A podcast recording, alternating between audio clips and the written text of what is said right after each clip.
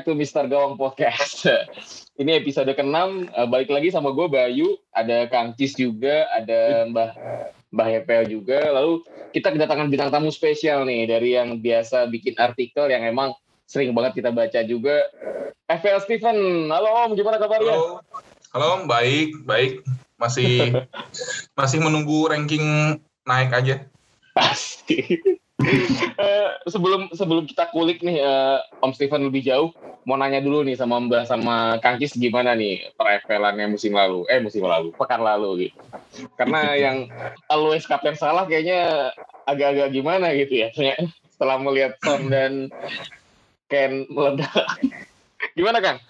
Oh nggak apa-apa sih, kan ngegolin ya, nggak blank ya. Enggak, nggak blank, nggak blank, aman, aman lah ya. Lumayan, 14 poin. Ya itu masih di bawah Ken tanpa kapten ya, Ken 16. ya tapi nggak apa-apa sih, karena kuncinya di always kapten salah. Jadi yep.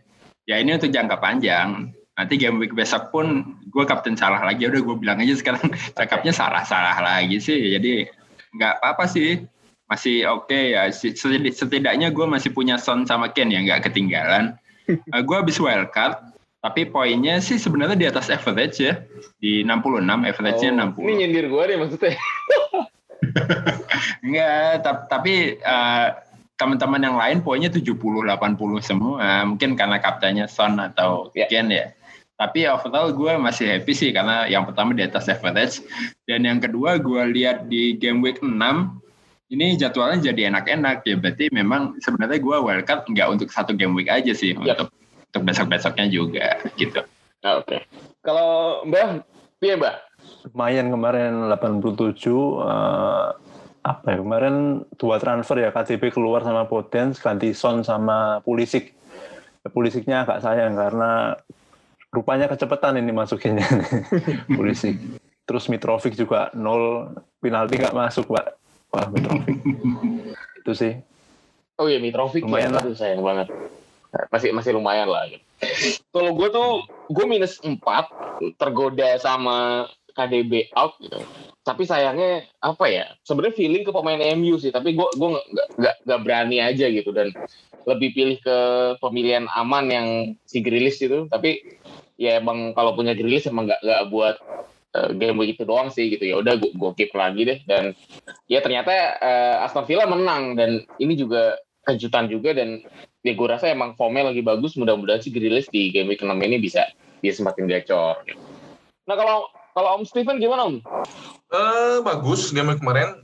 Ya nggak bagus-bagus amat juga 83 yang senang game week kemarin tuh kayaknya kemarin tuh game week pertama setelah game week satu ya yang keputusan yang masuk akal tuh menghasilkan gitu ya. Kan sebelumnya, wah Son cedera nih, masuk akal dong kita kalau kita keluarin, eh malah soalnya bagus gitu. Yeah, Wah, Werner yeah, lawan West Brom nih, masuk akal dong kita pertahanin Werner, eh gagal gitu ya. Kayaknya game week 5 kemarin tuh pertama kali game week yang kalau kita mengambil keputusan yang sesuai dengan cara pikir orang yang normal gitu ya. Oh, mulai kebaca berarti ya. Gitu ya, ya. masih ketinggalan kereta sih, masih tanpa Kane sekarang. Tapi ya memang struktur timnya nggak nggak mendukung untuk punya Kane, jadi ya itu yang harus dikejar sih ke depannya. Tapi sebenarnya gue lihat lihat squad lo itu kan sebenarnya tiga striker yang emang kalau misalnya lo tinggalin atau lo diamin aja sampai akhir musim juga sebenarnya gak, salah juga gitu. Ya ada Jimenez, Harusnya. ada Ings, ada Jimenez, ada Ings sama yeah. sama DCL kan gitu dan hmm, yeah. ya ya mereka mah di atas 10 gol pasti dapat sih apalagi kedua striker itu kan andalan di timnya masing-masing ya dan kemarin juga mencetak gol juga kan gitu dan Ya, maka, makanya mau dapatkan sekarang berat nih masa buang Ings nah, dan Jimenez yang baru golin gitu ya benar gitu. Dan uh, ya ya itu juga nanti uh, beriringan dengan strategi gue di game week 6 sih. Karena dengan punya Ken terus gue punya tiga striker aktif tuh kayaknya boros banget gitu. Dan gelandang gue tuh kayak agak agak agak terkikis gitu. Tapi ya hmm. let's see nanti. Tapi uh, yang yang penting juga nih sorry satu lagi kayaknya penting juga kita ketolong banget sama press conference minggu lalu tuh. Dan sebelumnya press conference tuh kan blur-blur gitu ya. Baru minggu kemarin Pep tuh bilang oke okay, De Bruyne nggak main. KDB nggak main gitu ya bener iya. ya. Kalau si Pep itu meninggalkan De Bruyne ya kita lihat nanti gitu ya. Mungkin mungkin gue gak akan jual De Bruyne gitu dan ketinggalan yeah. kereta gitu. Untungnya press conference kemarin lumayan informatif lah. tapi Pep tuh kayak nggak nggak punya sosmed ya jadi sebenarnya dia dia juga nggak nggak ini nggak nggak dengerin cacian makian FL manager ke dia gitu kan ya ya betul uh, sebelum kita bahas untuk uh, beberapa uh, materi buat di di season 6 ini eh season 6 episode 6 ini cerita-cerita dong Om Stephen mengenai S3 bola. Terus uh, tips-tipsnya untuk menulis artikel FPL tuh gimana sih gitu. Sampai ya kita tahu uh, artikel lo kan juga benar-benar di uh, dihargain gitu ya sampai uh, masuk ke Scout ya FF Scout ya? FF Scout ya. Ya benar.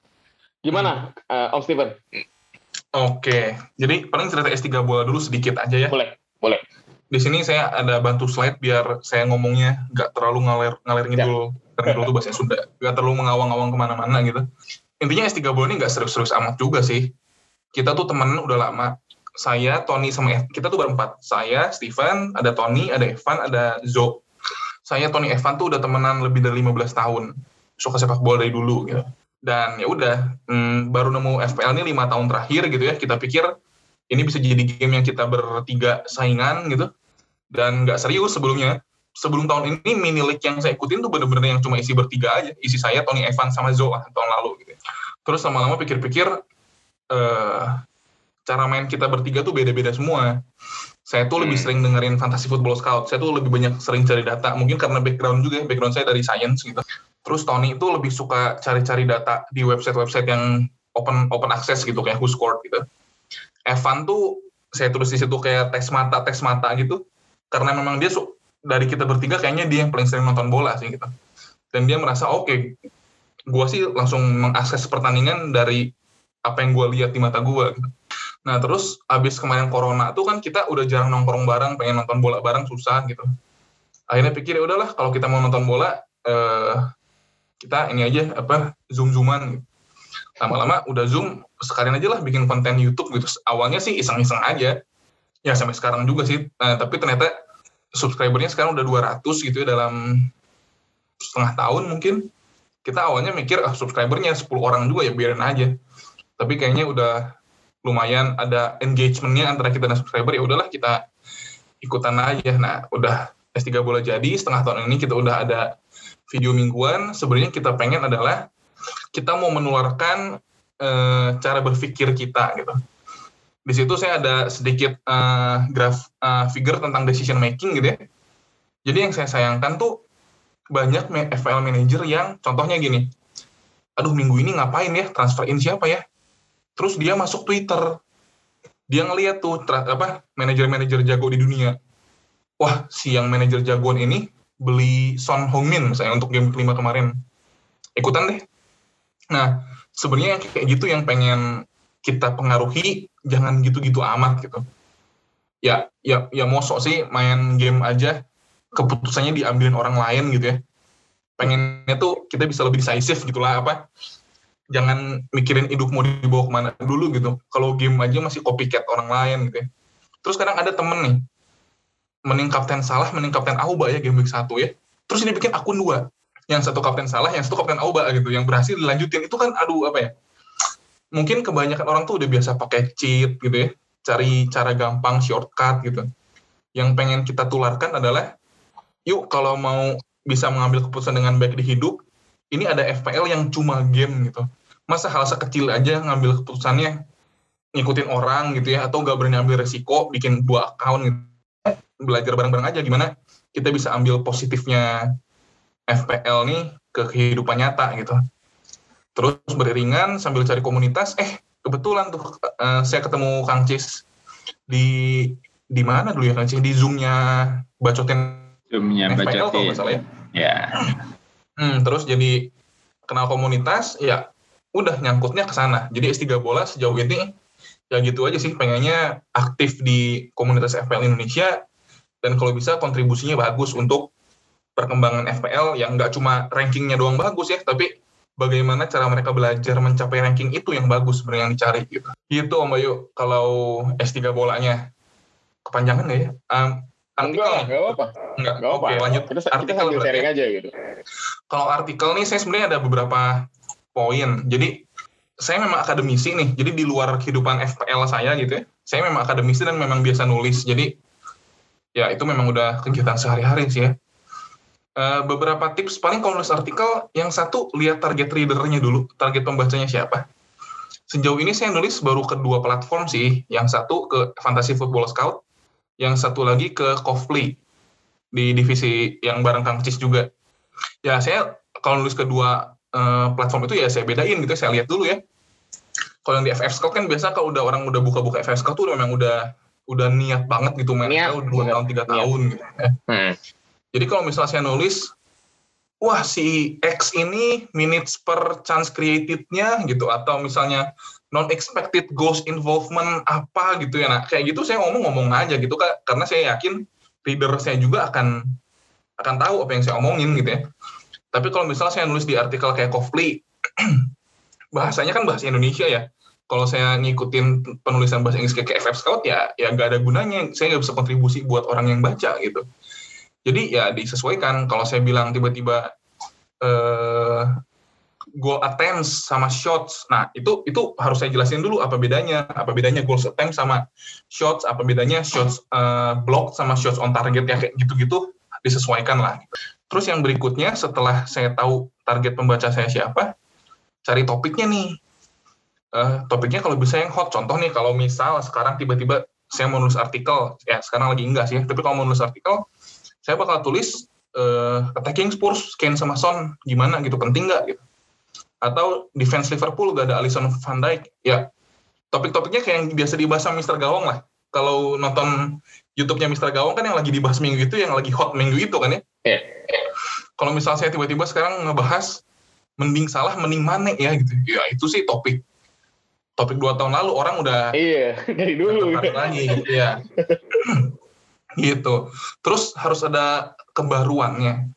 Jadi dari pengalaman nih uh, tulisan-tulisan yang nggak diterima tuh ya.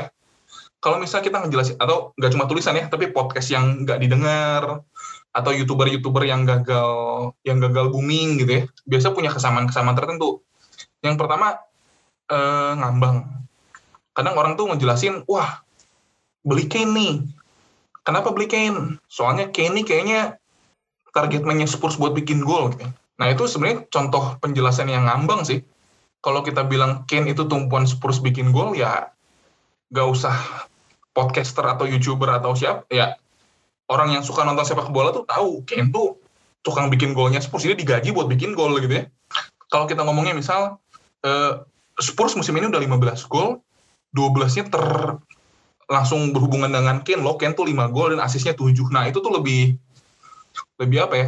Lebih nggak ngawang-ngawang gitulah gitu. Terus kadang-kadang orang tuh suka uh, suka nulis atau suka ngomong opini yang mainstream. Contoh jangan pakai back West Brom lah. West Brom lah jelek. Pasti nggak pernah crossing tuh back West Brom. Itu kan yang ada di pikiran mindset orang-orang yeah. umumnya gitu ya. Tapi sebenarnya kalau kita lihat data ya musim ini kalau ada yang tahu back kanan West Brom namanya Darnell Furlong si Furlong ini crossingnya masih lebih banyak daripada Chilwell daripada Lenti, daripada Masuaku, daripada Kastani, si Furlong ini lebih banyak. Jadi kadang-kadang banyak orang yang suka nulis atau suka ngomong ini karena apa? Karena mainstream gitu. Dia dia dia tuh nggak mencari yang benar. Kalau kita nulis terus kita asapnya kayak ke FF Scout gitu ya. Begitu kita nulis Darnell Furlong jangan dibeli karena crossingnya sedikit, FF Scout pasti langsung tolak gitu karena nggak sesuai dengan yang sebenarnya gitu. Terus kadang artikel tuh cuma nunjukin data, oh ini nih bagus. Ini datanya dikasih tabel aja tapi nggak diapa-apain itu juga biasa ditolak karena ya ya harus ada analisisnya gitu diinterpretasi. Harus ngerti apa yang ditulis gitu ya. Ini yang susah juga sih. Sebenarnya saya tuh pengen bikin thread baru tadi siang saya ngobrol sama ketuanya Kofpli Kartini itu. Ya ini kita di sini saling support apa saling support komunitas-komunitas yang ada aja tadi saya udah nyebutin hmm. beberapa ya uh, uh, bikin thread nggak apa-apa nggak apa-apa ya betul sebenarnya saya pengen bikin thread nih misal, tapi apa ya, yang takutnya orang yang baca itu nggak menerima thread yang saya tulis. Contoh kalau saya bilang, wah goal attempts-nya dia itu lebih banyak daripada shot-nya orang lain gitu ya. Nggak semua orang yang main FPL tuh sebenarnya tahu bedanya goal attempts sama shots itu apa. Gitu. Expected goals sama expected goals involvement sama nah yang kayak gitu. Jadi hmm, kadang-kadang tulisan itu harus mengandung informasi yang definitif, gak asal, tapi dimengerti orang juga gitu ya. Terus harus ada value-nya.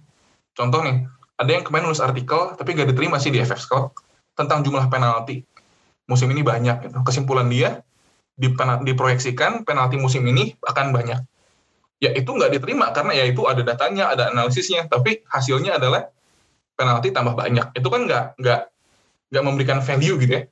Tapi ada tulisan yang lain. Penalti tambah banyak. Yuk kritis berpikir kenapa tambah banyak? Apakah memang cara main sekarang seperti itu? Apakah kecepatan back memang udah makin keras sama striker? Apakah karena peraturan handsball yang baru? Apakah karena VAR apakah karena teknologinya atau officialnya? Atau ya, jadi dieksplor banyak sampai keluar. Oke okay, penalti tambah banyak. Itu karena A B C. Kalau VAR-nya gak dirubah maka terjadi ini. Kalau ofisialnya tetap kemampuannya seperti ini nah, itu itu apa ya lebih lebih mengeksplorasi banyak hal lah gitu. Gitu dan valid sih. Jadi sejauh ini kalau kita lihat FF Scout 90% artikel FF Scout tuh berdasarkan statistik ini saya nggak berarti bilang statistik itu cara F, main FPL yang paling benar ya nggak juga. Yeah. Uh, yeah. Uh, tentu aja kalau nggak ada lah orang di dunia ini main FPL cuma baca statistik gak pernah nonton bola tuh ya ada juga gak mungkin berhasil lah kalau kata saya gitu ya. Tapi gini statistik itu adalah ilmu yang berlaku universal. Jadi kita semua seenggaknya di SMP SMA pernah belajar statistik toh gitu ya. Kita tahu apa itu rata-rata apa itu uh, standar deviasi ya mungkin mungkin nggak semua ngerti banget tapi tahu lah gitu. Jadi itu bisa dimengerti semua orang gitu tapi banyak orang yang nulis uh, artikel ini adalah eye test saya Nah, masalahnya itu butuh kualifikasi lagi. Kenapa? Karena kalau statistik semua orang belajar, eye test itu nggak semua orang belajar gitu. Yang belajar eye test itu ya orang yang belajar kepelatihan sepak bola gitu ya. Eye test itu nggak sama-sama nonton gitu. Ya, nonton itu adalah eye test, betul nonton itu adalah eye test. Tapi eye test itu tidak sesederhana nonton gitu. Jadi kadang-kadang orang nonton terus dia lihat dia bilang, wah beli siapa ya? Beli Son. Kenapa? Karena Son mainnya bagus nih, gue nonton. Ya kalau Son mainnya bagus mah nggak usah nonton. Buka aja live score. Son gol Son asis ya udah itu bagus kan. Itu kita kita udah tahu gitu ya. Apa nggak nggak lebih dalam lagi gitu. Jadi sebenarnya tulisan atau bahasan tuh harus valid sih dan berlaku universal gitu. Jangan jangan ya apa yang bagus buat satu orang belum tentu bagus buat orang lain gitu. Tapi kalau satu orang ini bilang Son itu shoot 9 kali pertandingan ini ya 9 kali itu udah udah gak bisa dilawan karena rata-rata shoot per pertandingan di Liga Inggris paling satu pemain berapa sih? Dua setengah tiga gitu. Kalau sampai ada satu pemain bisa shot sembilan pasti shotnya memang banyak. Nah kurang lebih contohnya kayak gitu. Udah gitu om Bay. Saya kayaknya udah ngabisin waktu banyak banget nih. Cukup enggak lah nggak apa-apa.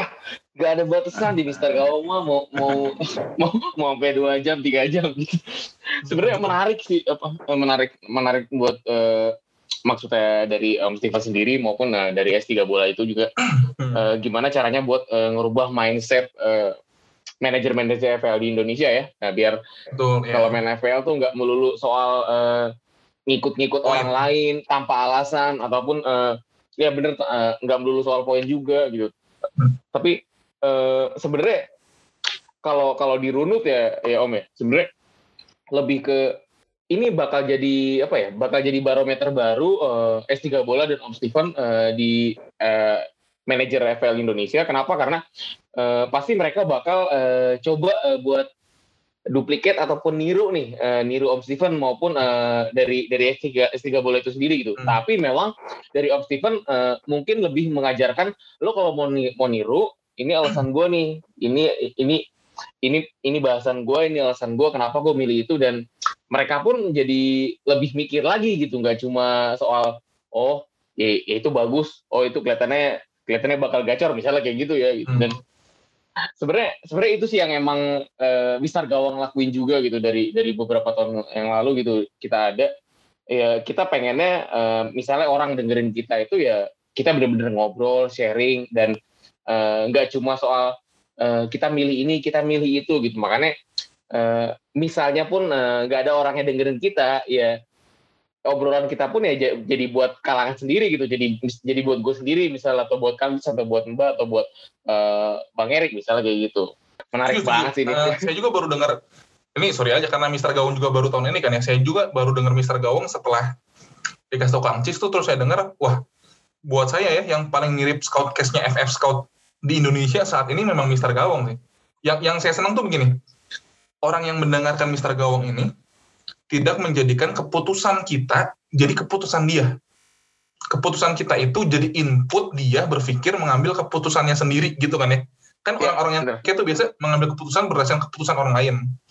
Nah, kalau kita punya platform-platform kayak Mister Gawang nih, kita mengajarkan gini loh, jangan bingung ngapain ya ke Twitter milih pemain, tapi bingung ngapain ya mikir dulu, oke keputusan gue sementara seperti ini, cari informasi dan biarkan informasi itu mempengaruhi keputusan kita, bukan keputusan kita diambil dari keputusan orang lainnya. Kurang lebih gitu lah, Mister Gawang ini udah, saya sih suka banget ya, apa cara berpikirnya sih setuju banget lah. kadang kadang gini om. Kadang dari kita sendiri aja bisa beda pikiran gitu. Kadang saya punya intuisi sendiri gitu pemahaman sendiri. Kadang bang Erik juga Kang Cis apalagi mbak nih. Mbak kadang-kadang eh, agak miring-miring beda-beda gitu dari kita. Tapi memang emang feelingnya kadang-kadang malah bagus mbak gitu. Dan Ya. pemahaman eh, pemahaman masing-masing dari kita emang kadang-kadang beda juga gitu. Dan ya selain backgroundnya beda-beda juga dan ya ya seru, seru gitu sih sambil ngobrol gitu. Betul, nggak ya, ya. nggak cuma Setuju, soal eh, nggak cuma soal oke kita milih ini eh, squad kita seperti ini nggak cuma soal kayak gitu aja gitu. Makanya Hmm. pembahasan eh, per mulai season ini ya Kang ya. Pembahasan kita tuh lebih ke ini ya. Lebih eh, ke misalnya isunya apa di game week lalu baru kita bahas gitu. Sebelumnya kan kita cuma eh, bahas pertandingan. Jadi emang kayak gimana ya? Ya kita coba improve sih Om Stefan gitu. Dari dari sebelumnya. Eh, di season pertama itu kita cuma misalnya eh, besok nih ada pertandingan Aston Villa Leeds kita ngomongin itu. Terus West Ham Manchester kita ngomongin itu. Jadi kita nggak bahas benar-benar isu yang berkembang. Kalau sekarang kan benar-benar kita eh, Liverpool ya kita bahas eh, bagaimana eh, dampak nggak adanya Alisson sama Dijk gitu. Misalnya kayak gitu. Ataupun nanti eh, kita juga bahas eh, bukan Leeds tapi Aston Villa-nya. Aston Villa nih lagi eh, trennya lagi bagus. Eh, apakah memang udah waktunya buat ngambil pemain Aston Villa? Misalnya kayak gitu ya. Dan ya ya seru sih malah malah sebenarnya obrolan yang seperti itu yang lebih lebih menarik dan eh, lebih enak eh, diobrolin gitu Betul betul. Ini ya saya yakin kok kalau misalnya Mister Gawang ini konsisten begini, ini jadi scoutcast-nya Indonesia ini. enggak lah Indonesia ini. kita kita sebenarnya buat buat kalangan sendiri sih kalau mau mau ada yang dengerin ya alhamdulillah tapi kalau enggak ya enggak gitu dan ya tahun ini pun juga tahun pertama kita buat eh, luncurin YouTube itu pun juga inisiasi Kangki sama Bang Erik ya ya mereka yang ngatur semua gitu dan ya sebenarnya buat buat lebih ke engagement lebih enak aja gitu karena kalau di podcast doang kan suara kadang nggak ini ya apa suara kadang nggak apa Gak bisa nggak- divisualisasikan. nggak gitu bisa ya. divisualisasi gitu ekspresinya gimana nih orang maksudnya ngomong apakah emang trik atau atau fakta atau gimana gitu misalnya kayak gitu-gitu dan Hmm.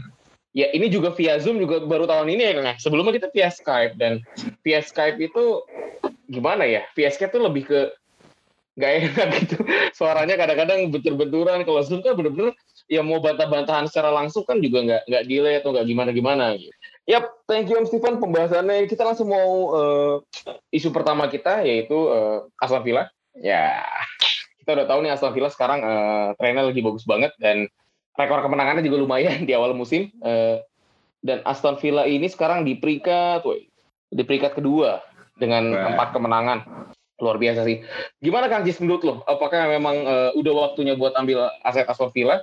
Dan jujur aja di sini gue cuma gue punya dua eh, Martinez sama si Grealish. Martinez gue ambil dari game week 3 dan naiknya udah luar biasa sekarang ya. 48 apa 49 harganya. 48. Si 48. Martinez ya. Grealish juga baru naik juga gitu. Lu buat gila ini. Gimana Kang menurut lo Kang? Oke, eh, mungkin pertama dari sisi PL-nya ya. Ini lumayan keren ya. Ini eh, game week pertama blank, jadi dia baru main empat kali, udah empat kemenangan. Ya dan eh, empat kemenangan itu ya cukup mengagetkan juga ya. Yang terakhir lawan Leicester juga di menit akhir itu golnya Barkley. Ya intinya Aston Villa yang musim kemarin itu cuma nyaris udah nyaris degradasi dan tiba-tiba sekarang startnya bagus Uh, mungkin uh, sampel dari empat match belum cukup ya, tapi uh, ini sign yang baik lah. Maksudnya uh, akan lucu sih kalau Aston Villa musim ini degradasi ya, karena kayaknya uh, dari tandanya sih udah oke. Nah, kalau dari FPL-nya sendiri, uh, mungkin untuk invest uh, boleh dicoba ya, karena yang pertama jadwalnya juga enak. Kemudian untuk Aston Villa ini kalau dari aku sih eh, pertama kita lihat lini belakang itu kayaknya Martinez sih udah topik ya, topik dari goalkeeper. Uh, sekarang udah 4,8 juga, yaitu opsi yang uh, ya istilahnya nggak akan diperdebatkan lah kalau teman-teman mau ambil uh, Martinez itu udah udah oke okay banget. Cuma kalau misalkan mau ambil back sih uh, mungkin uh, belum ya dari aku sendiri belum ada opsi sih karena dari defense sih mungkin cukup dari Martinez saja udah cukup lah kalau misalkan untuk ngecover dari clean sheet-nya.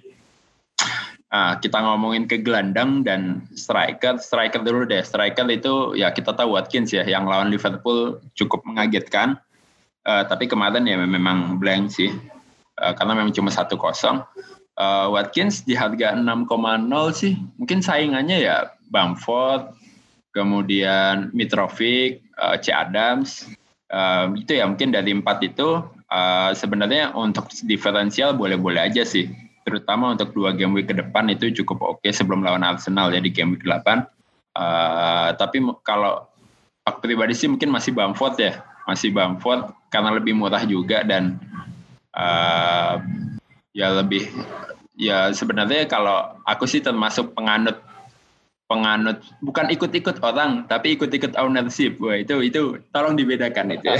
ikut-ikut orang dan ownership. Karena uh, mungkin masuk sedikit kenapa sih uh, pemilihanku di musim ini terutama itu uh, memperhatikan ownership? Karena kalau kita bagus itu pilihannya ya udah kita mungkin bagus sama-sama. Jadi akhirnya mungkin kalau panah hijau pun uh, cuman naiknya dikit sebenarnya yang parah adalah ketika kita sok-sok diferensial tapi zong. Nah itu yang parah sih. Um, uh, itu akan panah merah jauh banget. Jadi gue lebih milih main aman, naik pelan-pelan. Kayak sekarang ini gue di uh, game week 5 poin 66 ya gue panah hijau tapi naik kayaknya cuma berapa puluh ribu aja tapi tetap panah hijau sih ketimbang aneh-aneh kan makanya kalau untuk opsi striker uh, murah sih masih Bamford ya karena udah 20 25 persen ada kali ya, 20 persenan lah, kayak gitu. Uh, tapi Watkins kalau untuk pembeda sih udah proven ya lawan Liverpool proven, cuman uh, kita lihat konsistensinya aja di dua match ke depan. Untuk mid uh, mungkin aku mau sedikit uh, anti mainstream di sini ya. Untuk apanya? Untuk merekomendasikan. Yang pertama ada Grilis itu ya udah sejuta umat lah ya Grilis uh, di musim kemarin pun yang ngambil Grealish banyak karena memang talismannya Villa. Di musim ini juga kemarin poinnya gede banget lawan Liverpool dan kemarin juga asis. ya asis lawan Enggak, enggak. Asisnya Barkley itu siapa? McGinn, McGinn, John McGinn. McGinn ya? Oh ya, berarti Grealishnya blank. Nah, tapi yang menarik sebenarnya yang masih dipantau ini adalah Barkley ya harganya 5,9 uh, mungkin ya di akhir musim poin keduanya nggak jauh sih. Kalau misalkan Barkley tetap konsisten seperti ini ya nggak jauh. Yang satu harganya 7, yang satu harganya 5, uh, di harga 7, mungkin kalau cari saingannya head to headnya banyak ya. Ada Barnes ada Edison ada siapa lagi? Mungkin Foden. Eh Hames Hames sudah ketinggian sih. Hames sudah 8 Hames. 8 oh iya. Aduh untung udah punya. Zaha. oh iya Zaha. Ya Zaha ya. Istilahnya saingannya banyak lah. Tapi kalau kita turunin di 5,9 siapa? Maximin Podens paling gitu ya. Iya Maximin. Ya istilahnya kalau untuk gambling sih, untuk diferensial sih, uh, kalian tidak bertaruh uang yang terlalu banyak ya, 5,9 menurutku itu sih. Jadi Barkley uh, bisa bisa dilihat lah untuk kalau teman-teman butuh diferensial. Jadi apakah Aston Villa sudah mulai bisa diperhitungkan dari sisi PL dan FPL melihat jadwal dua game week ke depan worth to try untuk gamble ke pemain Aston Villa ya. Kalau Martinez bukan gamble sih tapi untuk yang di lini tengah depan worth to try. Kalau kalian mau coba kalau dari aku sih Watkins sama sama Barkley ya itu sih Om kalau dari gue kalau Aston Villa ya yang gue lihat gue coba kulik-kulik tadi. Tapi bener sih eh, kepemilikan Martinez sama Grilis tuh udah udah nggak apa ya udah di atas rata-rata lah gitu. Karena 20 20-an persen gitu buat buat tim yang emang tahun lalu nyaris degradasi. Dan eh, ternyata mereka punya rekor yang bagus juga di awal musim empat kemenangan dari empat laga dan ya ya kita lihat lagi uh, tapi kalau kalau gue sih gue nggak nyaranin buat uh, lo ambil minus buat pemain-pemain uh, macam Grilly sama Martinez gitu. Kecuali kalau uh, lo butuh banget apalagi minusnya sampai minus 8 gitu. Sayang gitu. Karena uh, potensi mereka ini uh, ya balik lagi ya dengan harga segitu kita nggak bisa expect banyak buat mereka uh, scoring tiap tiap uh, tiap tiap pekan gitu. Beda sama pemain premium kayak kayak Fardi, kayak Kane, Salah, Mane dan dan sebagainya gitu. Lanjut ke Man City. Bah, kemarin uh, Aguero udah udah main nih, Mbah. Ya. Yeah. Ini ini gambarnya viral nih. Kok ini Mbah gambarnya, Mbah? mungkin mungkin kalau misalnya di Indonesia ini udah pelecehan nih, tapi karena sebenarnya si si Pep juga ngomong kan, Aguero tuh salah satu pemain yang uh, sangat baik gitu uh, kepribadiannya menurut dia dan uh, ya maksudnya dia ngerangkul itu cuma ya nggak ada maksud buat uh, pelecehan buat kewanitanya gitu. Oke, gimana Mbah? Apakah ini waktu yang tepat buat ambil Aguero? Karena KDB ya ada kemungkinan buat balik gitu di game week 6. Uh, kalau menurut saya sih cukup tricky ya Om karena kalau kita lihat kemarin Arsenal Aguero pun sendiri itu nyaris nggak ada peluang sama sekali. Satu tendangan tapi itu pun meleset. Terus juga KTP juga nggak ada itu kan kayak kita bilang minggu lalu ya. Kalau misalnya pun Aguero main, yang umpan siapa kalau nggak ada KTP kan itu kan. Nah masalahnya kan Aguero itu Aguero tetaplah Aguero gitu kan. Dia nggak perlu kita lihat dia cetak dua gol baru kita ambil gitu. Enggak lah, dia itu Aguero tetap yang ya kelasnya itu beda lah sama pemain-pemain yang lain ya. Meskipun kemarin Arsenal blank, tapi saya rasa untuk manajer yang uh, yang apa ya, yang butuh pemain beda, saya rasa Aguero cukup menarik. Apalagi Jesus juga belum fit, nggak yep. tahu sampai kapan ya, belum ada kejelasan. Uh, lawan West Ham dan kemudian lawan Aguero itu lawan West Ham dan Sheffield yang parah belakangnya. Saya rasa Aguero punya peluang ya. Itu sih Om. Cuman balik lagi ke kepentingan masing-masing ya kak. Uh, untuk manajer yang ingin pemain pembeda yang nggak punya Ken, Aguero bisa jadi opsi sih untuk naikin rank kalau dia sampai on fire itu kan pasti ngangkat apalagi kalau Ken, Ken Blank cukup berpengaruh sih. Cuman untuk manajer yang ya posisinya cukup aman lah 500 ribuan ke atas saya rasa terlalu beresiko untuk ambil Aguero. Uh, sebenarnya ada sesuatu yang hilang dari City. Gue mikirnya lebih ke gue nggak tahu ya mood City itu gimana ya setelah mereka dibantai sama Leicester di kandang uh, kebobolan 5 gol sekaligus uh, setelahnya tuh kayak kayak susah buat cetak gol gitu. Jadi nggak nggak bisa lebih dari dua. Uh, kalau menurut lo gimana Om Steven mengenai fenomena City ini? City ya dari dari sisi uh, FPL dulu ya? Yap dari sisi FPL uh, kalau menurut gua sih soal kita invest di Aguero atau enggak itu tergantung sama saingannya di striker ya. Maksudnya kalau kita udah punya Ken dan kita mau punya Aguero juga, berapa banyak uang yang harus kita invest di striker yeah. dan berapa banyak yang harus kita korbanin di lini lain gitu ya. Terus kalau kita uh, mau ambil Aguero tanpa Kane, uh, gue sih agak khawatir ya dengan performa Kane kayak segini ya. Kalau mau pembeda, ya tergantung cara main orang-orang ya kata Mbah tadi ya kalau mau nekat cari tricky ambil Aguero ya ya why not juga sebenarnya kalau gue ini main termasuk tipe yang safe kalau gue butuh pembeda gue lebih baik ambil Kane tapi gue kaptenin Kane. Itu hitungannya pembeda sih buat gue jadi saat orang lain dapat poin Kane misalnya 16 gue dapat poinnya 32 dari Kane. Itu pun udah bisa jadi pembeda gitu daripada Kane 16 terus Aguero misal anggaplah 2 gol 13 poin sama 3 bonus poin gitu ya. Ya diferensialnya masih lebih worth it gue ambil Kane dan gue kaptenin. Yang pikiran gue gitu. Cuma bagusnya Aguero adalah dia ada di harga yang sama dengan Kane kalau yeah. kita lihat uh, fixture schedule Kane itu sejak game week 9 kalau nggak salah ya sejak game week uh, coba gue fixernya dulu nih berat emang Spurs, itu, Spurs yeah. itu game week 9 lawan City 10 lawan Chelsea 11 lawan Arsenal 12 gampang Crystal Palace 13 Liverpool 14 Leicester, 15 Wolves. Wolves. Itu berturut-turut tuh. Lawannya kan ya masuk top 10 musim lalu semua kan ya. Iya. Yeah. Nah, itu lagi berat-beratnya. Tapi kalau kita lihat eh, Aguero saat Liverpool uh, last game week uh, 9 lawan Tottenham tuh, game week 10-nya Aguero lawan Burnley home. Game week 11-nya lawan Fulham home. Game week 13-nya lawan West Brom home. 14 okay. Southampton away, 15 Newcastle home. Wah, itu tuh saat Spurs lagi susah-susahnya, Aguero lagi gampang-gampangnya.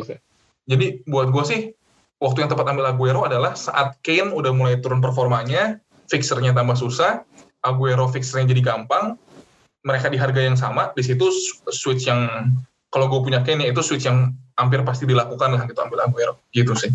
Cuman uh, nambahin dikit ya. Hmm. Agak sedikit berbeda sih apa maksudnya kan nanti Om Steven bilang ambil Kane, uh, ambil Aguero saat fixernya Kane lagi buruk ya. Hmm. Uh, entah itu game week 9 ya. Masalahnya kan kita nggak pernah tahu itu. Jesus itu baliknya kapan. Nah itu masalahnya. Ya, ya betul. Gimana? Setuju, setuju ya uh, ya balik lagi sih yang itu ya misal misal nih Jesus gak balik ya tapi Kane-nya juga masih hot terus saya sih mikir ngapain jual Kane yang lagi hot buat Aguero toh Kane masih hot terus gitu lawan Chelsea gue lawan Arsenal gue ya gak usah dijual gitu ya. jadi Aguero ini kayak bumper lah plan B saat Kane jelek kita lihat kalau misalnya Jesus sudah balik dan kita gak berani gambling kita beruntungnya Kane itu striker paling mahal sekarang jadi kita bisa jual Kane untuk beli siapa pun di game itu yang posisinya striker gitu yang lagi hot juga oke okay, clear kita lanjut ke big match di game week 6 ini. Ada MU sama Chelsea. Ya, kenapa jadi Ole? Pilih gambar yang lain dong. Rashford kan siapa? Oke, oke. Ke Om Steven ya. Ini prediksi MU sama Chelsea. Uh, menurut lo, siapa pemain yang bakal nyumbang poin FPL yang uh, cukup besar? Atau uh, potensinya cukup besar di di match ini, Om Steven? Oke. Okay. Dari Kalau dari kedua tim. Pilih ya. Nah, saat ini gue belum pilih siapa pun. Yeah. Saat ini gue belum pilih siapa pun karena MU sama MU terutama kan pemainnya mahal-mahal ya. Rashford sama Bruno nih sembilan setengah sama sepuluh setengah. Buat gue di harga yang sama segitu ada pemain yang harganya sama dan performanya lebih bagus gitu. Kayak Rashford bagus sembilan setengah. Tapi Son di harga yang sama dan ngapain kita gambling gitu. Buat yang main aman ya. Buat yang mau main nekat gue pikir sih paling mungkin Bruno ya. Kenapa? Karena Bruno ini adalah pemain yang sejelek-jeleknya dia main, orang tuh tetap aja bisa dapat poin dari Bruno nih. Gue gak ngitung karena ya gue gak nyiapin dulu ya. Tapi coba kita hitungnya dari semua pertandingan MU musim ini berapa penalti ya? Lawan Brighton tuh dia dapat penalti. Semalam iya. Liga Champion dapat penalti lagi. Dapat lagi dua kali ya. Terus-terusan lah. Dan coba kalau kita pikirin ya, berapa pertandingan yang Bruno tuh layak poinnya tinggi lawan Brighton tuh dia gak layak poin tinggi. Dia dapat penalti setelah peluit akhir di, dibunyiin gitu ya. Yeah. Poinnya jadi tinggi. Uh, kemarin terakhir 4-1 lawan Newcastle, dia sama menit 85 tuh 0 poin. Iya, benar. Gue pikir zong banget nih. Eh, menit 90 dia 11 poin gitu kan. Apa ya, kita tahu lah apa yang kita expect dari Bruno. Sejelek-jeleknya MU main, sebapuk-bapuknya gak bisa ngapa-ngapain. Menit 90 penalti, Bruno ambil, gol, 5 poin tambah 2, 7, itu itu kayak floornya Bruno udah segitu gitu ya. Kalau yang lain paling Rashford ya karena apa ya Rashford ini memang atmosfernya di Inggris tuh Rashford lagi bagus banget karena Rashford kan baru dapat gelar MBA ya. Ya ini ini gak iya. berhubungan yeah. dengan FPL ya. Hmm. Tapi personal life-nya Rashford tuh lagi diidolain banget di di di Inggris gitu. Kayaknya semua semua fans online tuh lagi cheer up Rashford. Dia juga sering komen di Twitter dan di like sama banyak orang. Followernya sejak dia peduli sama yang dia perluin tuh gampang banget sih sebenarnya. Dia pengen anak sekolah yang nggak bisa sekolah karena COVID itu dikasih makan siang gratis. Yeah. Nah, sejak dia mengkampanyekan itu follower Twitternya tuh nambah satu dua juta tiga juta orang dalam berapa hari doang gitu. jadi semua atmosfernya lagi bagus efek dia ke dressing room lagi bagus sekarang Bruno baru jadi kapten gitu ya jadi kalau mau ambil dari MU Bruno atau Rashford tapi gue daripada Rashford mending Son yang harganya sama dan udah lebih uh, banyak yang punya gitu ya demi main aman. Kalau Chelsea, gue bingung juga nih si Lampard ini sebenarnya gini semua orang yang mendukung Chelsea pasti nunggu banget dari awal musim nih. Striker gue Werner, kiri gue Pulisic, kanan gue Ziyech, eh, tengah gue Havertz. Itu tuh ditunggu-tunggu. Dari press conference game week 1, Lampard tuh udah bilang, bakal main, tenang aja, udah makin deket uh, sembuh dari cedera. Oh iya, lagi match fitness sebentar lagi uh, bisa full main tapi sekarang udah akhir Oktober kok kayaknya kagak main-main gitu ya. E, terakhir kemarin main Chelsea di pertandingan di game kelima Pulisic bukan di kiri malah di kanan gitu. Jadi entah kita yang nggak mengerti atau Lampard yang memang masih ngetis-tis aja orang-orang gitu ya, gue juga bingung. Chelsea ini unpredictable sih. Dia tuh bisa bisa bagus banget main 4-0 lawan Palace, tapi bisa imbang 3-3 lawan West Brom gitu. Jadi menurut gue di pertandingan sih tergantung aja siapa yang lagi on aja. Karena ini di Old Trafford, feeling si MU menang dikit lah, tapi nggak banyak. Mbah mungkin ada komentar atau Kang Jis mengenai eh, peluang dari potensi potensial pemain MU sama Chelsea di game week 6 nanti. Mbah dulu mungkin Mbah. Saya ngikut ngikut aja. Iya. Lu punya punya pemainnya nggak sih Mbah? Kalau Chelsea punya, Chelsea punya ya? Punya, punya tiga, Pak. Punya. Wow. Chelsea punya Werner sama Pulisic, terus MU Rashford, Pak. Oh. Royal Rumble nanti. Jadi sebenarnya eh, ya pilihan lo pasti sama dengan apa yang lo punya berarti ya. Kalau ya, ya. Gimana Cuman kan? sebenarnya rencana keluarin Werner sih. Eh, Gue malah feeling, feeling, gue Werner bakal, bakal golin gawangnya De Gea. Gak tau kenapa ya. Tapi tetap, Pede. tetap men- menang, menangnya sih MU sih. Kalau gimana Kang? Ya, gue nggak punya pemain MU dan Chelsea. Nggak, nggak ada sama sekali di wildcard gue nggak ada pemain dua ini. Eh, cuma kalau ditanya siapa yang bakal menyumbang poin di laga ini, eh, mungkin harus bersepakat dengan Mas Steven si Bruno Fernandes ya, pemain yang ya kita nggak tahu lah. Bahkan dibantai Spurs saja poinnya masih gede itu Bruno nggak tahu lagi dah. Gimana?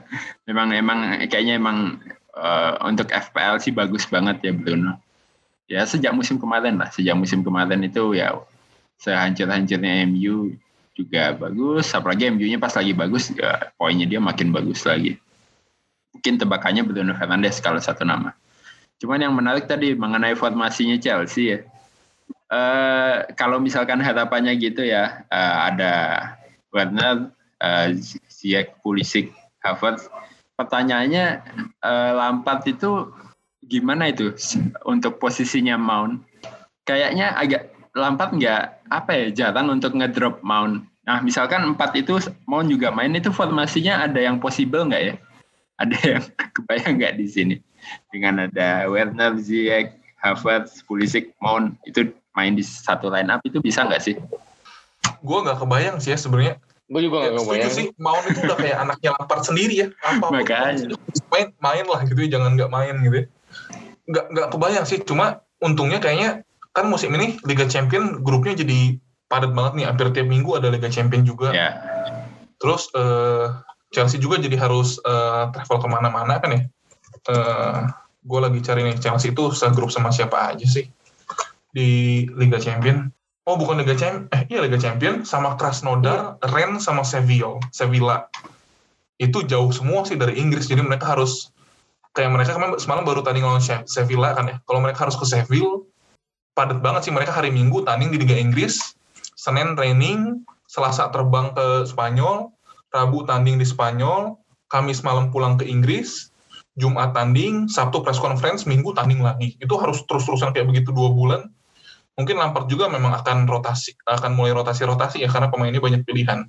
Ya, ya mudah-mudahan nggak mengecewakan. Karena bingung juga ya. Chelsea ini, ya mungkin itu juga jadi salah, salah satu alasan Lampard eh, dia numpuk banyak sayap eh, dan berandang di timnya dia karena ya biar biar nggak kehabisan kayak musim lalu gitu. Lanjut ke Liverpool, Om Steven lagi nih. Om, eh, ya kita tahu VVD sama Ellison out. Eh, Eli- eh, VVD terutama bakal, bakal absen lama banget, bahkan mungkin bisa sampai tahun depan ya. Hmm. Nah, apakah Robertson dan TAA lah ini akan tetap worth di price tag di atas 7 juta? Karena kita tahu harga 7 jutaan aja kita bisa dapat rilis eh, ya banyak gelandang dan eh, penyerang yang lumayan juga gitu. Dan potensi poinnya sebenarnya lebih besar karena ya mereka main di gelandang sama eh, eh, pen- di penyerang gitu. Gimana Hmm. Om Stephen? Oke, jadi pertama waktu Ali, waktu Van Dijk cedera nih nonton nih, itu pertandingan masih jalan, gue tuh langsung cari data. Ini Liverpool tanpa Van Dijk nih gimana nih nanti defense-nya? Karena kita beli back kan memang ngincernya poin clean sheet dulu ya. At least Iya, sebelum sebelumnya kayak begitu. Kalau mungkin kalau musim ini berubah, nggak tahu tapi sampai musim lalu masih begitu nah setelah gue cari gue cari nih Liverpool tanpa Van Dijk gimana sampai tahun musim 2018-2019 nggak pernah ada jadi ternyata Van Dijk ini adalah pemain non kiper Liverpool sepanjang sejarah Liverpool ada yang berturut-turut jadi starter paling banyak. Dia udah 94 pertandingan berturut-turut jadi starter. Jadi saat gue tarik balik nih, kapan nih Liverpool main tanpa Van Dijk? Itu musim 2017-2018. Alisson belum ada, kipernya masih Karius dulu gitu. Jadi gue rasa kalau ngambil data zaman dulu juga nggak nggak bisa ya, nggak bisa nggak relevan ya. lah gitu ya. Yeah. Jadi si Van Dijk ini memang sosok yang gede banget, yang penting banget di Liverpool gitu. Ya. Nah terus gue pikir oke, okay, di sini tuh kita ada tiga ada dua ekstrim. Ekstrim pertama adalah gue gak mau Liverpool sama sekali. No Robertson, no TA. Kenapa? Karena gak ada Van Dijk dan Alisson. Itu ekstrim kiri. Ekstrim kanannya adalah gue nggak peduli, gue tetap double. Gue pakai TA iya, gue pakai Robertson iya. Gitu. Ada lagi sih ekstrim paling kanan lagi, yaudah gue tetap triple pakai Joey Gomez gitu atau siapa, tapi jarang lah yang kayak gitu ya. Nah, kalau gue lihat untuk sekarang kayaknya paling aman itu di tengah-tengah antara dua ekstrim ini ya. Jadi nggak tanpa Liverpool sama sekali juga, tapi nggak double. Uh, berarti kita cukup satu. Nah saat gue satu, gue mikir gini, kalau ada gelandang harga tujuh nih, namanya Robertson, kayak Robertson Liverpool sekarang. Kita mau beli satu, pilih Robertson atau Zaha gitu. Gue mungkin lebih pilih Robertson loh, walaupun Robertson gelandang nih, dibanding Zaha gitu. Atau Barnes, Barnesnya Leicester gitu ya. Dipilih satu nih, mau pilih gelandang Harvey Barnes atau Andrew Robertson, harganya sama-sama 7. Gue mungkin masih lebih pilih Robertson, gitu. mungkin ya. Itu itu uh, itu, itu hipotesis awalnya. Gitu. Terus setelah gue pikir, oke, okay, harus gue pilih dulu Robertson atau Trent. Di sini gue ada heat map nih, tapi buat yang dengar podcast mungkin nggak bi uh, bisa lihat ya. Tapi intinya heat map Trent itu adalah heat map back kanan yang sering overlap. Kalau bisa kita lihat, eh heat map itu ini ya, eh udah pada tahu heatmap kan ya? Tahu lah. Yang menunjukkan ya. Mm-hmm. Robertson itu heatmapnya kalau lu nggak dikasih tahu itu heatmap Robertson ya, mungkin lu kira itu heatmapnya mana kali. Itu touch dia lebih banyak di sepertiga lapangan depan daripada di sepertiga lapangan dia sendiri gitu yang ngeri banget sih buat gue. Heatmap Robertson ini udah udah agak gak masuk akal sih gimana caranya FPL mengklasifikasikan dia sebagai back tuh udah bingung juga gue. Nah di sini gue ada beberapa data yang membandingkan Trent dan Robertson berapa kali tren menyentuh bola di kotak penalti lawan 6 kali lima pertandingan pertama. Robertson 22 kali. Gitu terus tren 6 kali shot tapi 6 enamnya dari luar kotak penalti. Robertson 3 kali shot tapi tiga-tiganya di dalam kotak penalti. Jumlah crossing tren 37, Robertson 52 lebih banyak.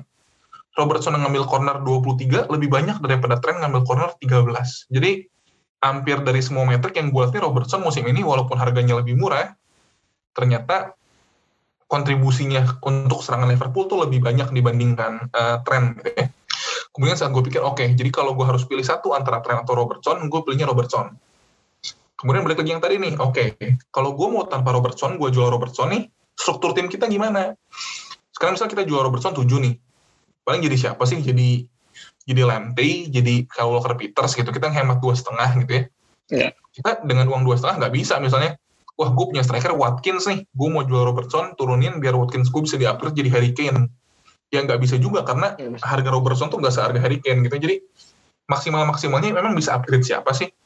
Yang paling masuk akal tuh pasti upgrade fifth midfielder. Jadi midfield kita yang harganya empat setengah gitu ya, Soucek gitu atau Burke gitu ya. Oke lah kita naikin pakai uangnya Robertson. Nyampe-nyampenya uangnya bisa di Grealish, Zaha, Barnes, Bowen, Trossard. Nah, gue bandingin nih, gimana Robertson performanya dibandingin sama gelandang-gelandang yang populer yang cukup nyerang ini di harga yang kurang lebih sama-sama Robertson. gue lihat di sana buat benefit yang podcast ya, Robertson itu ternyata dapat bola di kotak penalti lawan lebih sering daripada Zaha, lebih sering daripada Bowen, lebih sering daripada Trossard. Ini back kiri macam apa, gue udah udah gak ngerti juga gitu ya. Jumlah crossing Robertson sendiri itu dibandingin sama jumlah crossing Grilis, Zaha, Barnes, Bowen, Trossard digabungin ditambahin semuanya masih lebih banyak jumlah crossing Robertson sendiri gitu expected goals Robertson nggak ketinggalan jauh expected assist Robertson nggak ketinggalan jauh kalau Robertson bikin gol dapat poinnya lebih banyak daripada gelandang kalau Liverpoolnya clean sheet walaupun mungkin clean sheetnya sekarang jumlahnya berkurang gitu ya Robertson dapat 4 poin tambahan gitu. Anggaplah kalau misalnya Liverpool dengan back sekarang tiap 4 pertandingan cuma bisa satu kali clean sheet. Berarti rata-rata per pertandingan Robertson dapat satu poin tambahan lebih banyak dong daripada gelandangnya. Kan clean sheet 4 poin tuh. Per 4 pertandingan clean sheet satu kali gitu ya. Jadi Robertson kalau di rata-rata dibanding gelandang lain per pertandingan dapat poin lebih banyak satu. Kalau bikin gol juga dapat poin lebih banyak satu. Penalti area touch-nya nggak kalah sama sama gelandang-gelandang lain, bahkan lebih banyak daripada Zaha, daripada Bowen. Crossingnya lebih banyak daripada semua gelandang itu ditambahin gitu ya. Jadi gue pikir kenapa harus jual Robertson gitu. Kalau kalau gue pribadi. Terus yang gue pikir berikutnya adalah dua fixture ke depan Liverpool berturut-turut home lawan Sheffield dan West Ham. Sheffield musim ini adalah tim dengan jumlah gol paling sedikit, cuma dua gol dari lima pertandingan. West Ham lagi bagus sebenarnya, tapi kalau kita sekarang masuk situs FPL, terus kita screenshot nih, list daftarnya striker West Ham, gak ada yang fit satupun. Semuanya dikasih tanda tanda seru gitu ya, Antonio, Haller, Higil, sama Ajeti gitu. Jadi, kalau sampai Robertson dapat dua clean sheet, kayaknya yang jual bakal nyesel banget. Dan satu lagi nih, sebenarnya ini ini ini in hindsight banget ya. Waktu gue nyiapin ini belum ada konferensi pers uh, Brendan Rodgers buat laga Europa League. Jadi sekarang saat kita take ini, Rodgers dua jam lalu baru aja konferensi pers tentang Europa League ditanya tentang Ricardo Pereira. Ternyata Pereira baru balik Desember. Tadinya kan perkiranya uh, tengah November. Mm -hmm. Tadinya gue pikir kalau Pereira balik ya, Pereira itu harga back harga 6, jadi termasuk yang mahal cara gue beli dia adalah gue jual Robertson. Nah, kenapa dia menarik buat gue? Uh, Leicester ini sampai sekarang belum punya sayap kanan yang bagus. Dia udah nyoba Ayoze Perez di sana, dia udah nyoba Demarai Gray di sana, dia udah nyoba uh, Mark Brighton di sana, belum belum sebagus penyerang tengah Fardi dan sayap kiri Harvey Barnes gitu ya. Terus dia tuh beli Timothy Castagne. Gue tuh bingung sebenarnya waktu dia beli Timothy Castagne. Kan bek kanan utama pasti Ricardo Pereira atau sebelumnya, tapi dia cedera diganti James Justin. James Justin itu bek kanan tapi bisa di bek kiri juga. Terus dia beli Timothy Castagne, bek kanan, tapi bisa di bek kiri juga. Gue pikir gini, kalau misalnya di pikiran Brendan Rodgers itu ya, untuk masa depan nih, bek kanan Ricardo Pereira, bek kiri Timothy Castagne, harusnya sekarang Castagne di kiri, Justin di kanan. Sehingga saat Pereira udah sembuh, Justin balik ke cadangan, kanan Pereira, kiri Castagne, gitu kan ya? Yeah. Tapi formasi yang dipakai Leicester sekarang, Justin yang dipindah ke kiri. Jadi Justin di kiri, Kastanya di kanan. Terus saat Pereira balik, siapa yang dicadangin gitu ya? Kalau Pereira balik mencadang Kastani, kan sayang nih Kastaninya lagi bagus. Tapi kalau pas Pereira balik terus Kastani jadi kiri, Pereira jadi kanan, kenapa gak dari sekarang aja Kastanya di kiri gitu? Kenapa sekarang Kastanya di kanan? Uh, Justin di kiri gitu. Siapa tahu nih, siapa tahu. Ya, gue bukan cenayang juga. Tapi siapa tahu di pikiran Brendan Rodgers ini nih, Back kiri memang Justin, back kanan Kastani. Pereira kalau balik tuh dia taruh di tempat Ayuze Perez. Siapa tahu. Kalau sampai itu benar kejadian, buat gue Pereira ini bakal jadi bandwagon yang gede banget. Cuma sayangnya ternyata setelah press conference sekarang, baliknya masih lama banget gitu. Tadinya gue mau nyimpen Robo, jadi kalau sampai Pereira jadi bandwagon, gue butuh duit, gue bisa korbanin Robertson. Gitu kurang lebih om baik. Panjang banget nih kayaknya penjelasannya.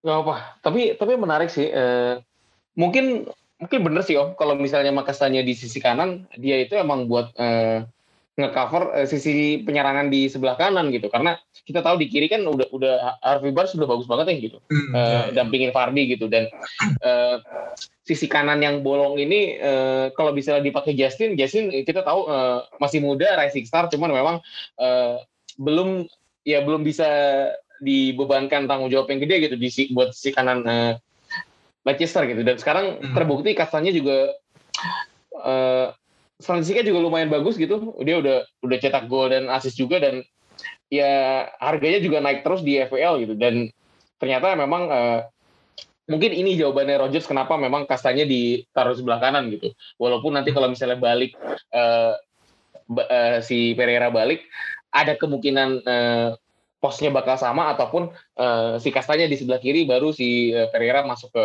di sebelah kanan sekarang gitu. Hmm. Itu bisa aja terjadi. Uh, kita lanjut ke isu selanjutnya. Nah ini salah satu yang lagi hot banget nih. Kilman, harganya 4 juta, sekarang naik 4,1. Uh, Sebenarnya dia itu gantiin posisinya Cody ya.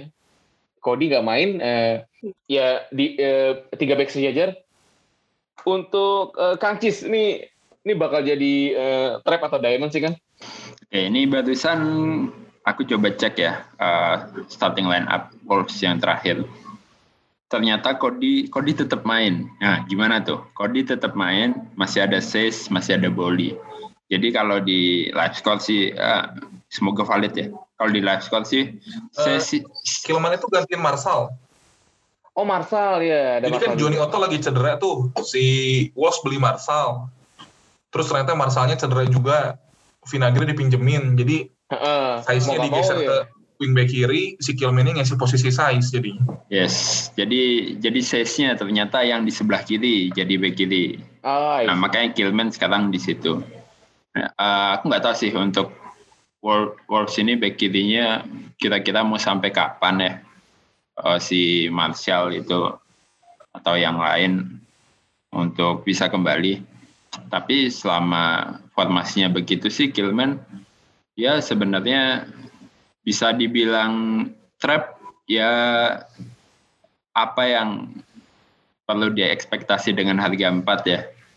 Itu ya mungkin ya tahulah sama harganya mungkin nggak usah terlalu berharap besar. Kalau Wolves sebenarnya kalau gue ada back Wolves ya ya nggak usah tanggung tanggung lah. Saya sekalian saya kemarin juga ngegolin tapi nggak jadi ya. Itu sebenarnya udah kelihatan banget lah. Untuk saya itu trade-nya lebih bagus. Nah uh, cuma kalau direkomendasikan untuk free transfer apa enggak ya kalau free transfer sih kayaknya enggak enggak perlu ya tergantung tim masing-masing sih. Kayaknya masih banyak lini yang bisa dibenahi deh. Untuk lini back 4,0 ini ya bukan sesuatu yang sangat urgent untuk diperbaiki. Tapi kalau misalkan uh, wildcard gitu atau misalkan punya dua transfer mau mini wildcard itu bisa bisa untuk ambil Kilman boleh dicoba. Kenapa? Uh, karena ini yang menarik nih si Mitchell, Mitchell masih main ya. Tapi masih. Van, Van Aanholt udah sembuh. Nah ini tinggal menunggu waktu sih tinggal menunggu waktu kapan Van Aanholt kembali dan Mitchell ya harus kembali ke tempatnya. Itu kita nggak tahu. Ferguson masih cedera, uh, tapi udah ada klien ya sekarang di kanan. Uh, mungkin yang gue sih udah jual Mitchell ya, udah jual Mitchell. Uh, tapi kemarin nggak ngelihat Kilman sih. Sayangnya nggak ngelihat Kilman, gue malah ambil Backleach, Strujic. Eh, bacanya gimana? Strujic, Strujic, ya itulah. Ya nggak bisa lah kita. bacanya ya si itulah si Strujic itu. Uh, ya ternyata kemarin juga main sih main 70-an menit. Ya, gue gambling bet back 4,0 nya ke dia nggak ke Killman tapi ya ternyata Killman uh, ya lumayan sih udah bagus juga ya untuk back 4,0 ya rekomennya tinggal dua itu sih. Kalau untuk ambil Mitchell mungkin telat ya menurutku. Udah udah udah tinggal menunggu waktu diganti Van Aanholt. Ya nggak mungkin juga Van uh, tapi kecuali mungkin Van Aanholt main di mid ya. Tapi itu ya nggak tahu lah. Masih belum kebayang kalau Van Aanholt main di uh, gelandang kiri. Uh, itu sih. Kalau kesimpulannya untuk free transfer ya nggak perlu lah gue yakin pasti banyak lini lain yang masih bisa dibenahin pakai free transfer tapi kalau wildcard untuk butuh 4,0 ya boleh lah boleh banget untuk coba gambling. Aku bilangnya gambling ya, gambling ke Kilman. Karena ya dengan harga segitu ya sewaktu-waktu dia bisa diganti sewaktu-waktu. Beda sama Cody, Boli, Ses itu udah aman lah, udah matang. Nah kalau Kilman sewaktu-waktu ya Nuno bisa ya udah ganti bek kirinya mau eksperimen ke siapa lagi yang beda ya? Bisa jadi. Ya coba aja sih. Maksudnya untuk ngisi 4,0 what to try lah. Untuk gamble harga 4,0 investnya ya kecil lah 4,0 nggak terlalu banyak yang dikorbankan kalau Zong. Gitu om. Oke, nambahin eh, dikit. nih kalau boleh nih Kenapa? ngomong soal boleh, boleh dong, boleh dong. Gue jadi tertarik juga. Jadi kalau pada nonton Wolves, pada lihat nggak golnya Jimenez kemarin tuh? Ah, gue nggak nonton. Nggak lihat ya. Jadi sebenarnya Kilman ini, gue belum lihat data expected assistnya, tapi sebenarnya assist dia tuh wah Jamie Jamie banget lah. Dia tuh cuma long ball doang dari belakang ke depan. Hmm. terus Jimenez bawa-bawa sendiri.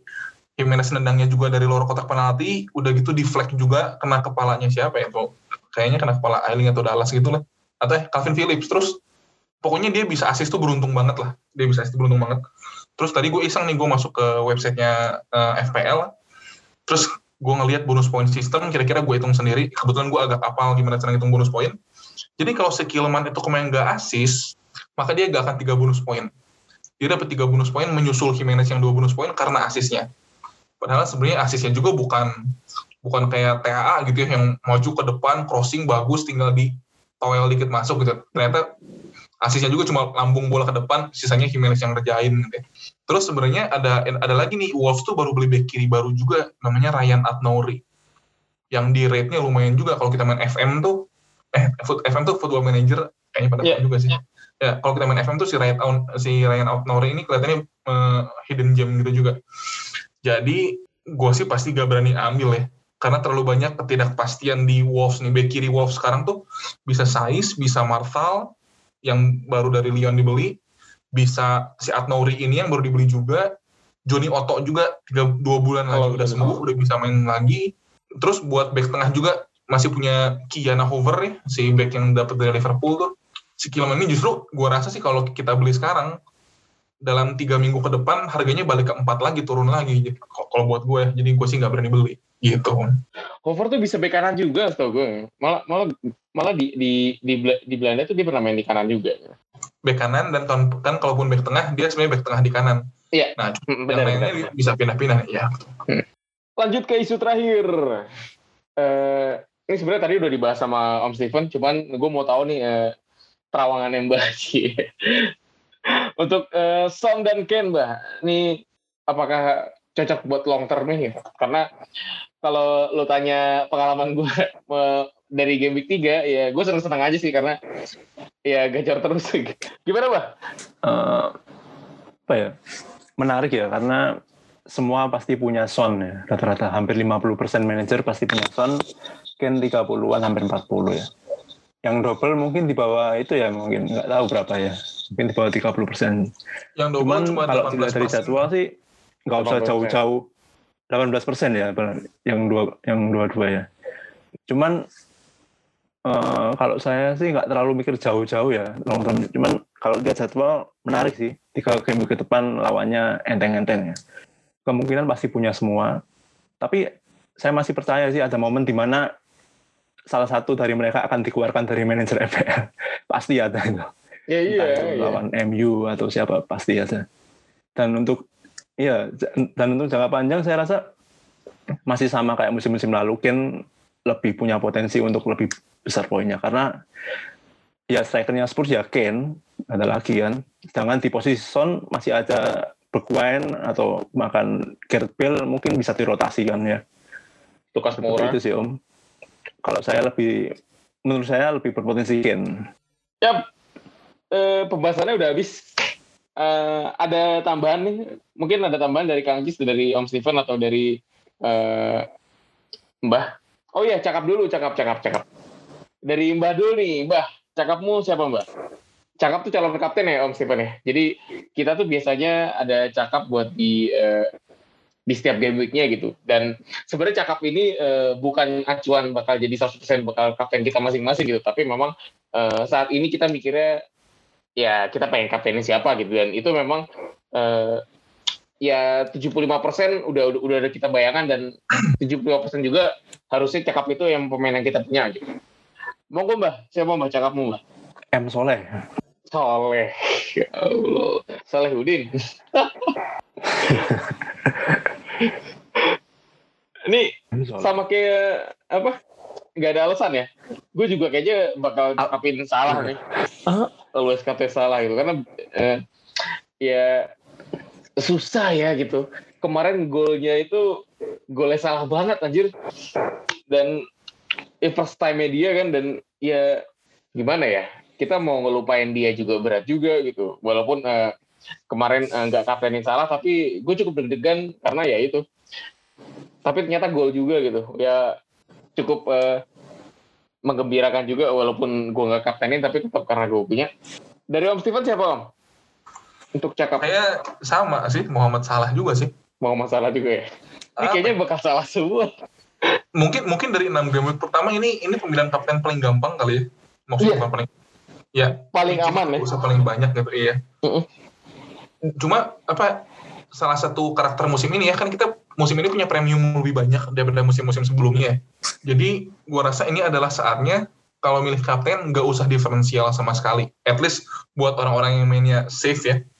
Contohnya eh, kayak gue nih, gue gak punya Werner minggu lalu 16 poin. Gue gak punya Kane minggu lalu Kane berapa ya? 16 juga rasanya. 16 poin juga. 16 juga. Iya.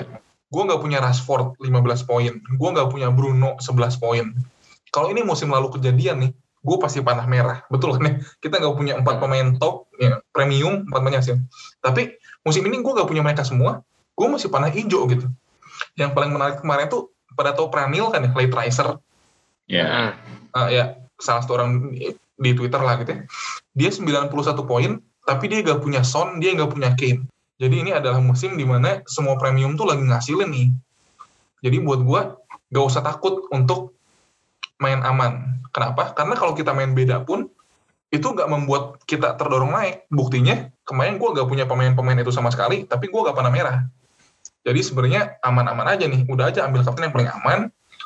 Kalau mau diferensial, kaptenin Kane, kaptenin Son. Tapi kalau gak mau diferensial, kaptenin salah, berharap premium kita tetapnya core gitu sih kalau pendapat gue buat kapten. Oke. Kalau Kang Cis udah jelas ya kayaknya Kang ya. Ya, ah, nalarnya aja deh. Minggu lalu salah lawan Everton away, gue kaptenin. Sekarang lawan Sheffield Home masa gue ganti kapten? kan gak masuk akal. Ya udahlah. Untuk ini kayaknya kita sepakat semua nih. Mungkin kalau Bang Ya. Erik ditanyain kapten salah juga deh. iya. Gak, gak, gak, gak mau ribet. Nah, Om Bayu gimana? Om Bayu kapten siapa? Sama sama aku sebenarnya kepikiran buat Son ya, tapi kayaknya ya udahlah kesalahan dulu deh gitu. Karena ya bener kata Cis tadi gitu. eh, lawan Sheffield di home dan eh, apalagi Liverpool eh, haus kemenangan ya. Dua, dua pertandingan terakhir tuh mereka kalah sama hampir menang gitu kayak kayak dirampok gitu kan jadi harusnya lawan Sheffield nanti bisa jadi eh, pelampiasan yang mereka buat eh, menang gitu. Dan ya kita tahu eh, Om Steven juga tadi udah jelasin eh, gimana mereka punya double sayap gitu selain eh, Salah Mane mereka juga punya si Robo sama TAA dan ngeri juga gitu kalau misalnya emang ya saya juga saya juga jadi salah satu manajer yang nggak punya depth-nya Liverpool gitu. Eh, karena memang udah udah habis duluan di mid sama forward.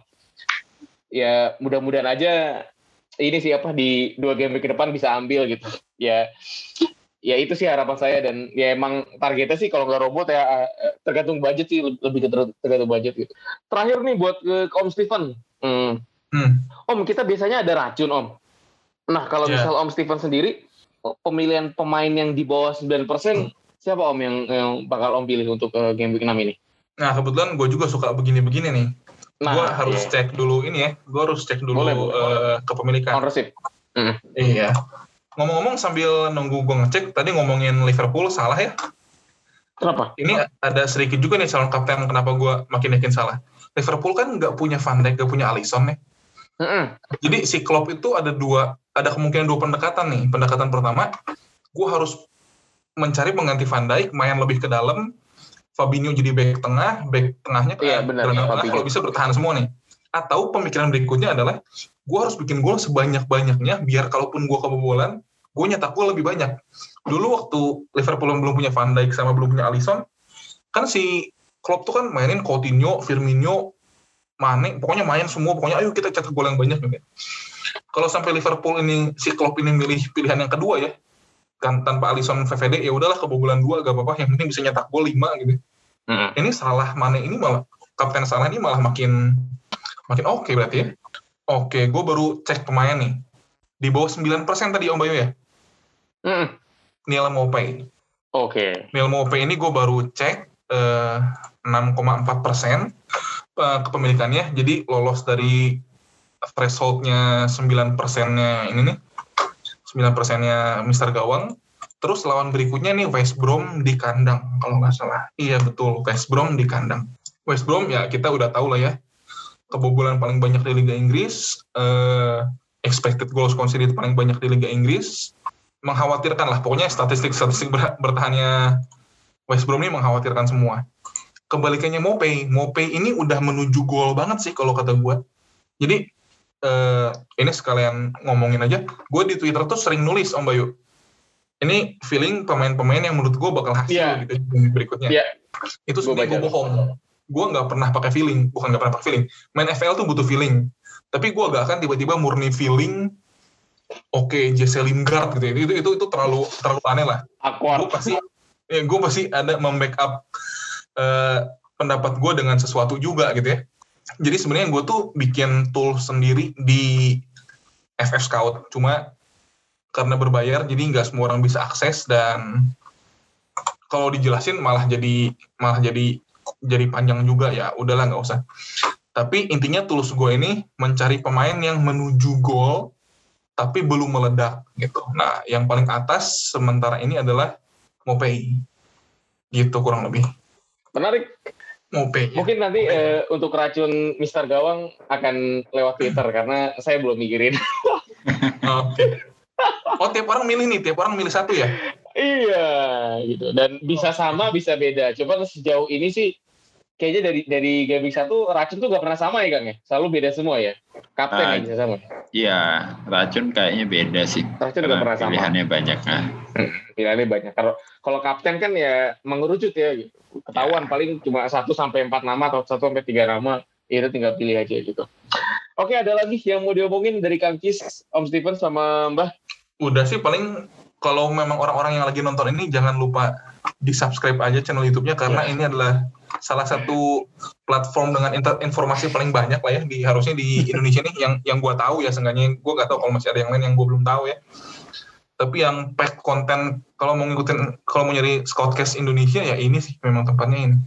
Thank you thank you Om Steven. Ya. Ada lagi Kang Cis atau Mbah? Oh ya udah sih.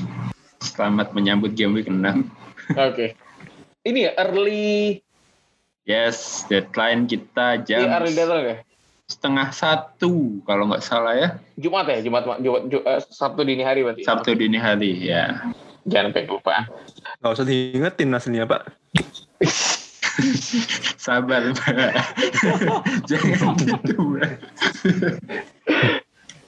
Oke, okay, thank you Kang Cis, thank you Om Steven, thank you Mbak. Udah Om Steven terutama udah udah ganggu waktunya nih gitu karena biasanya kita sampai malam banget nih. Ini kalau di Indonesia sampai aja di saya belum malam. Biasanya mah sampai banget Kadang-kadang biasanya malah kita bisa sampai setengah satu, malah pernah sampai jam satu gitu. Kita juga gak enak juga kalau misalnya ada tamu, tapi ternyata Om Steven jamnya beda nih, jadi agak enak gitu. Bebas, bebas ya. Mau sampai jam 3 subuh juga di saya diladenin karena masih santai di saya. Oke, oke. Thank you teman-teman yang udah denger Mister Gawang. Jangan lupa uh, follow S3 Bola juga. Uh, terus uh, kalau kritik dan saran apa pun pokoknya langsung aja mention kita di @mistergawangpod uh, kita ada di Spotify ada di YouTube juga. Uh, jangan lupa salam-salam sama keluarga di rumah yang lagi naik motor sambil dengerin Spotify. Hati-hati juga gitu. Sampai jumpa di game week selanjutnya. Bye bye Mister Gawang